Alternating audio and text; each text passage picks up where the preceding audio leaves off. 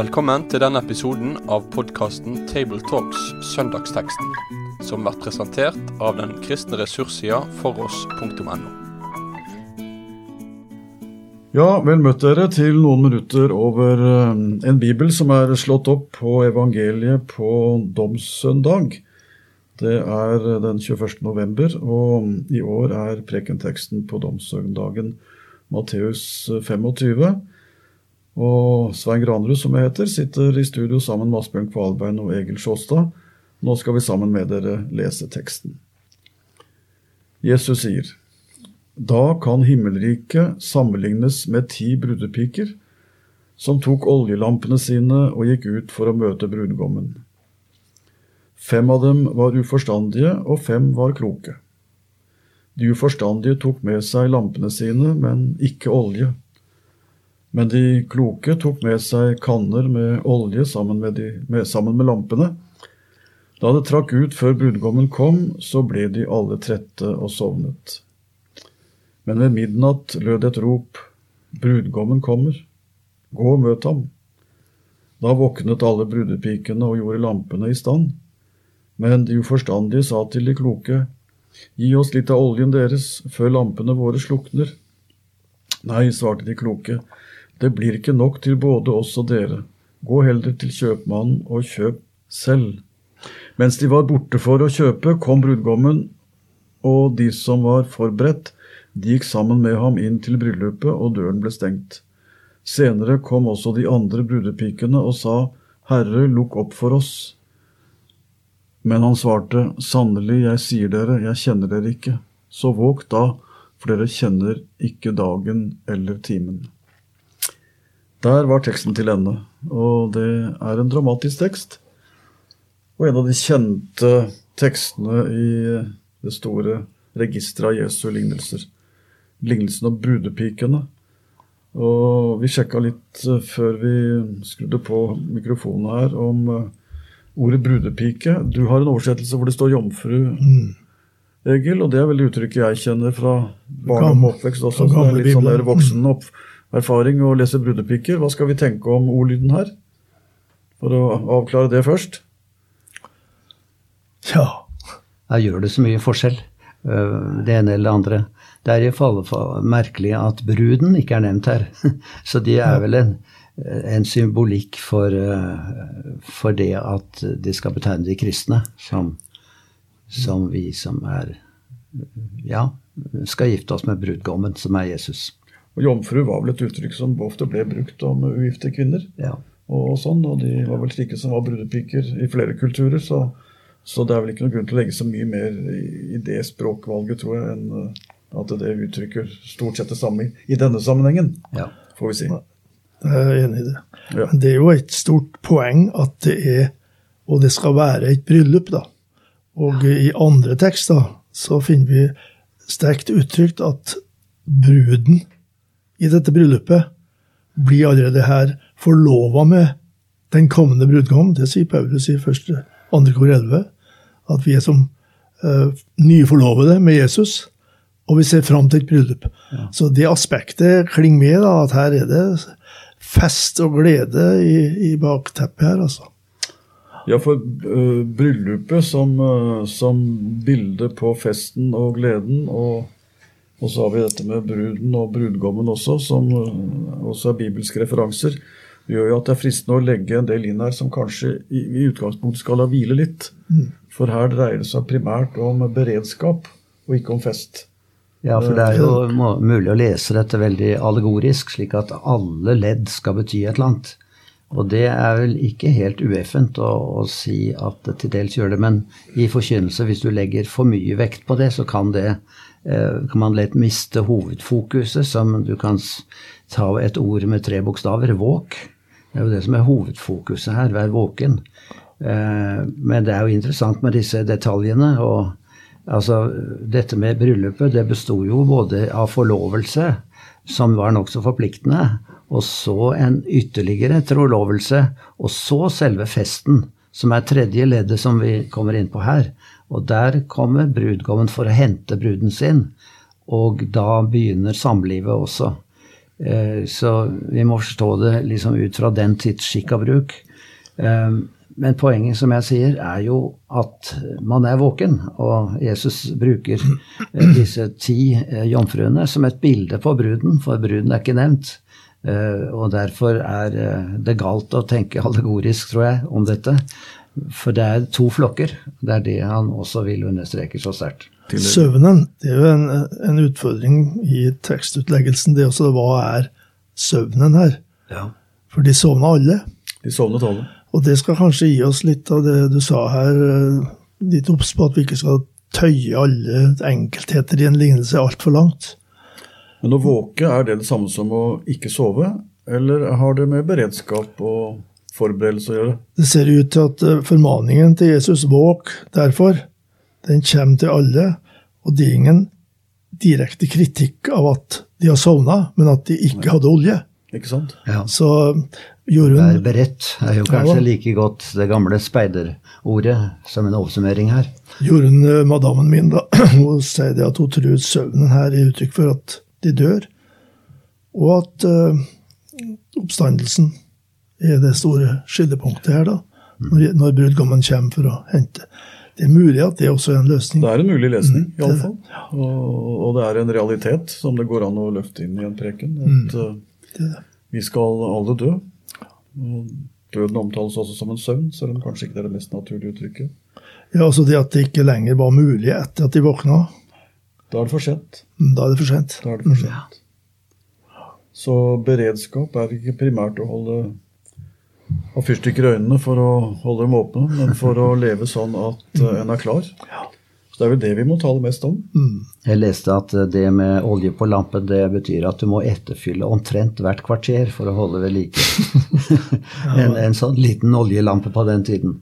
Ja, for Det er jo litt ulike tanker om lampen. Er det lamper med kanne som skal nedi, eller fakler som stadig må dyppes i, i, olje? Jeg har lest begge deler. Ja, det er mulig det. Jeg har eh, lest det mest som sånn en, eh, en lampe med olje, ja, som skal etterfylles med kanner og olje, og det, de hadde ikke nok. Det, igjen må man jo si det skal ikke utlegges i detaljer, det, for poenget er beredskap. Det, det er klart. Mm. Uh, Eh, dette med olje er jo også et spørsmål fordi at det er så mettet symbol ellers i Bibelen, eh, som et eh, tegn på Den hellige ånd. Som han sier det gjelder å ha Den hellige ånd. Men jeg tror heller det blir feil å konkretisere det for mye i den retningen. For jeg tror det er mer riktig å si om vi har et sant åndelig liv i Kristus, at vi lever i troen på Ham. Ja. Det er der det ender opp, det der problemstillingen. Det har jeg også alltid tenkt sånn. Altså, Den hellige ånd er selvfølgelig et uttrykk for og selve forutsetningen for å ha det livet med Kristus som vi kalles til. Men, eh, men jeg tror skal vi tale rett om dette, så må vi være konkrete på hva det innebærer i måten vi lever på, de valg vi gjør, og det som, som preger det livet vi lever. Men det er et poeng her. På det, Egil. Ja, jeg, jeg ville ha sagt litt før en kommer til dere med å være beredt, at det her er en vandring. Eh, det er fram mot et mål. Om en eh, legger noe stort nummer i at de, de går i møte, det eh, så, men det er ei tid fram til det skjer noe helt eksepsjonelt. Nemlig at det skal skje et bryllup. Og der skal jeg være med. Og det er ei tid der jeg skal der jeg lever her på jord, og, og jeg skal være forberedt. Det er en pilegrimsvandring. Så å være en kristen, det er å, å være på vei. Det tror jeg kanskje jeg ville ha sagt litt om. Ja, men du, Det er vi med på. Ja, det, det, er ikke en stillesittende ja. øvelse hvor vi bare ikke gjør noe annet enn å sjekke om det er olje nok. Det, jeg holdt på å si, da, da er det neppe nok, hvis det er det jeg gjør. Så vi, vi skal, dette er midt inn i livet som vi lever. hva kjennetegner det livet som mm. de våkne brudepikene lever? Ja, er det ikke det med å leve i den daglige omvendelse? Altså å stadig innrømme at jeg er en synder som trenger Jesu nåde også i dag. Jeg må ikke bli kjepphøy om min egen tro. Og jeg må ikke tenke det som selvsagt, eh, tenke som Paulus skriver. I det ytre har de gudsfrykt, men de fornekter gudsfryktens kraft. Altså ha en ytre vandel som kristen. Alle tror jeg er det, men jeg i mitt hjerte så har jeg forlatt det. eh, fornekter egentlig det at jeg kan få nåde og frelse og merke Hans kraft i mitt liv. Det, det må jeg prøve meg på stadig, om jeg lever et sant Kristusliv. Det er jo snakk om et sjølbedrag her, da. For det er jo tydelig at de trodde at alt var i orden. De oppdaga det etter hvert at det ikke var i orden. Så de, de hadde levd i sjølbedrag før de sovna. Og det er jo en dramatisk eh, tema i Bibelen, både i Det gamle og Det nye testamentet. At det går an å bedra seg sjøl når det gjelder gudsforholdet. Det må av og til være tema på prekestolen. Ja, for de, de, de, med og uten olje er jo ikke et bilde på de som hører til i den kristne menighet, og de som ikke gjør det. De som er omvendt, og de som ikke er det. Dette er jo begge kategorier.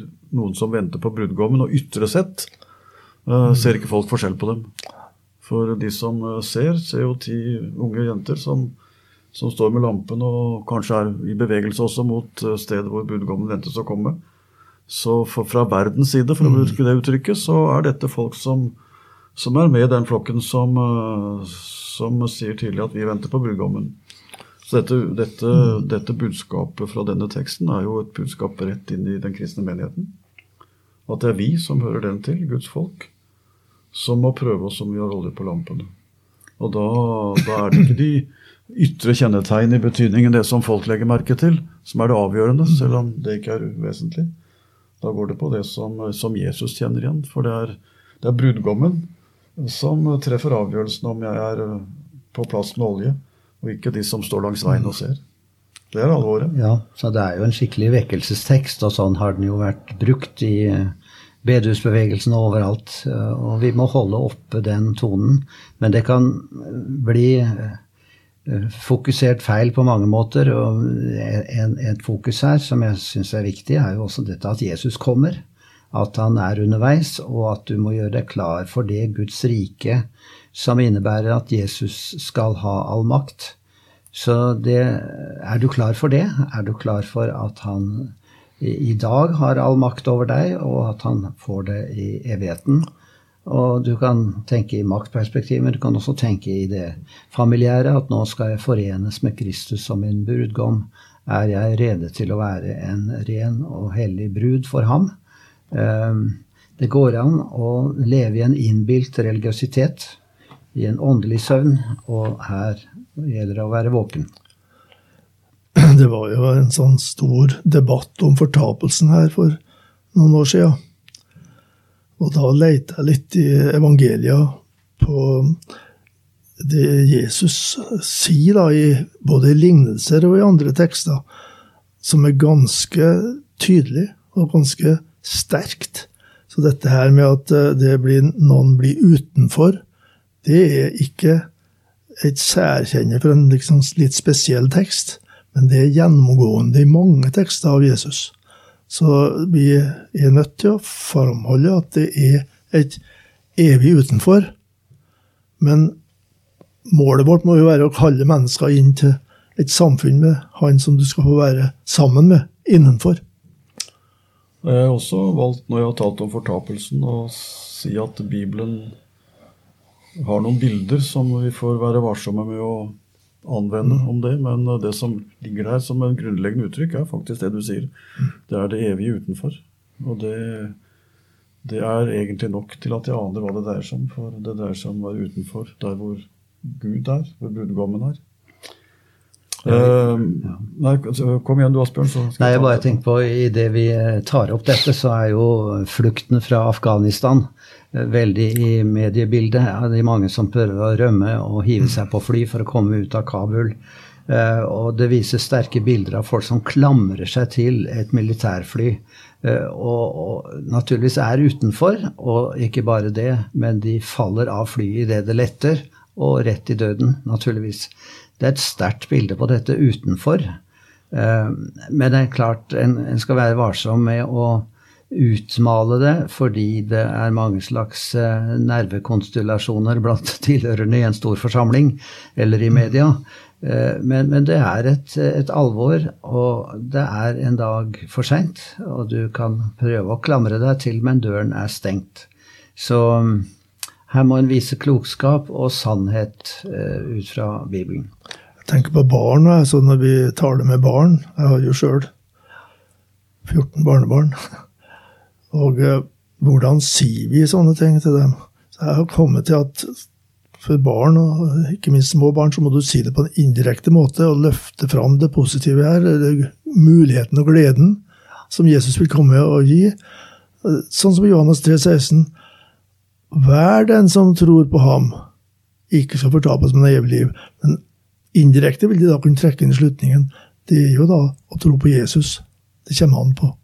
Så Det må vi prøve å, å få fram, og av og til slå en strek under alle ledd. Det er jo det også Nytestamentet gjør, faktisk. Hvis vi mm. ser på teksten, så er det jo hovedsaken å løfte fram det evangeliet og den frelsen som venter. Og så må vi tale mye om at brudgommen han har gjort alt for at ingen av hans brudepiker, eller noen av oss, skal bli etter på veien og sitte uten eh, olje nok når han kommer. Så vi må jo forkynne evangeliet her, at eh, det ligger, det ligger rede. Og du innledet litt, Asbjørn, med å si at vi må, vi må leve der i den daglige nåde og syndens forlatelse. For det er, det er, det som, sagt enkelt, gir olje på lampen.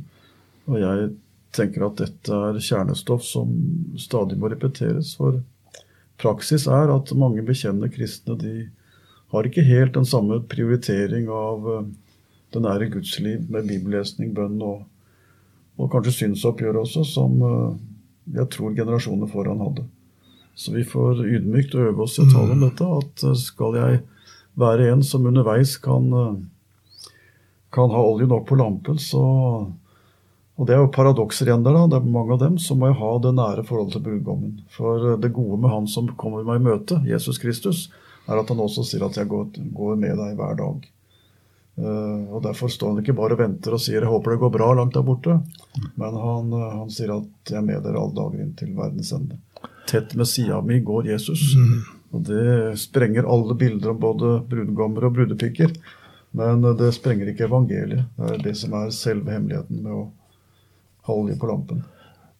Madammen min, da, som jeg har nevnt noen ganger nå, hun får av og til respons om bibelleseplanen Logos fra folk, fra abonnenter. Og da er uttrykket av og til 'det er så bra å få påfyll hver dag'. Mm. Det, det var jeg tenker på når det gjaldt denne oljen på lampa, og det å leve så nær Guds ord at du regelmessig får impulser derifra. Det er en måte å få påfyll på. Hvis en vil bruke noen bilder fra samfunnet, så er jo én ting det speiderordet 'vær beredt'. Og speiderbevegelsen sto sterkere i vår barndom, tror jeg, enn den gjør nå. Men, men vi lærte det. Vær beredt, vær klar, vær våken, vær men det er et annet eh, begrep som er blitt moderne i vår tid, det er å snakke om å ha kriseplaner. Og det var jo det de eh, dårlige jomfruene ikke hadde. De hadde ikke tatt med seg olje ekstra. Men vi kan tenke også i vårt åndelige liv at vi er utsatt for både eh, jeg holdt på å si narkotiske stoffer som lurler oss i søvn, åndelig sett, og en masse påvirkning fra verden. Hvordan legger jeg en kriseplan for å hindre det? Altså dette med å søke regelmessig til møter og gudstjenester, eh, lese fast i Bibelen, være med i en bibelgruppe. Altså gjøre praktiske ting i mitt liv som på en måte holder kriseplanen oppe. Eh, og har en plan for det, til å holde meg våken. Jeg tror en kan snakke konkret om også det. Og så kan en snakke om, som vi hører så fint, at det er eh, Jesus som er viktig, og bli opptatt av han da har vi det åndelige livet eh, intakt hvis vi lever tett ved ham og forventningene til at han kommer. Og han kommer i dag, han kommer i sin tid. Og da behøver vi ikke være redd for den endelige dommen, for vi har han som vår talsmann og vår frelser. Det er jo domssøndag, dette her, og det er mulig at folk blir sittende igjen med veldig mørke tanker etter en preken, så her er det godt om en tenker eh, balansert på, på Kristus-virkeligheten. Det begrepet forløsning hører også med Jesu endetidstaler. da.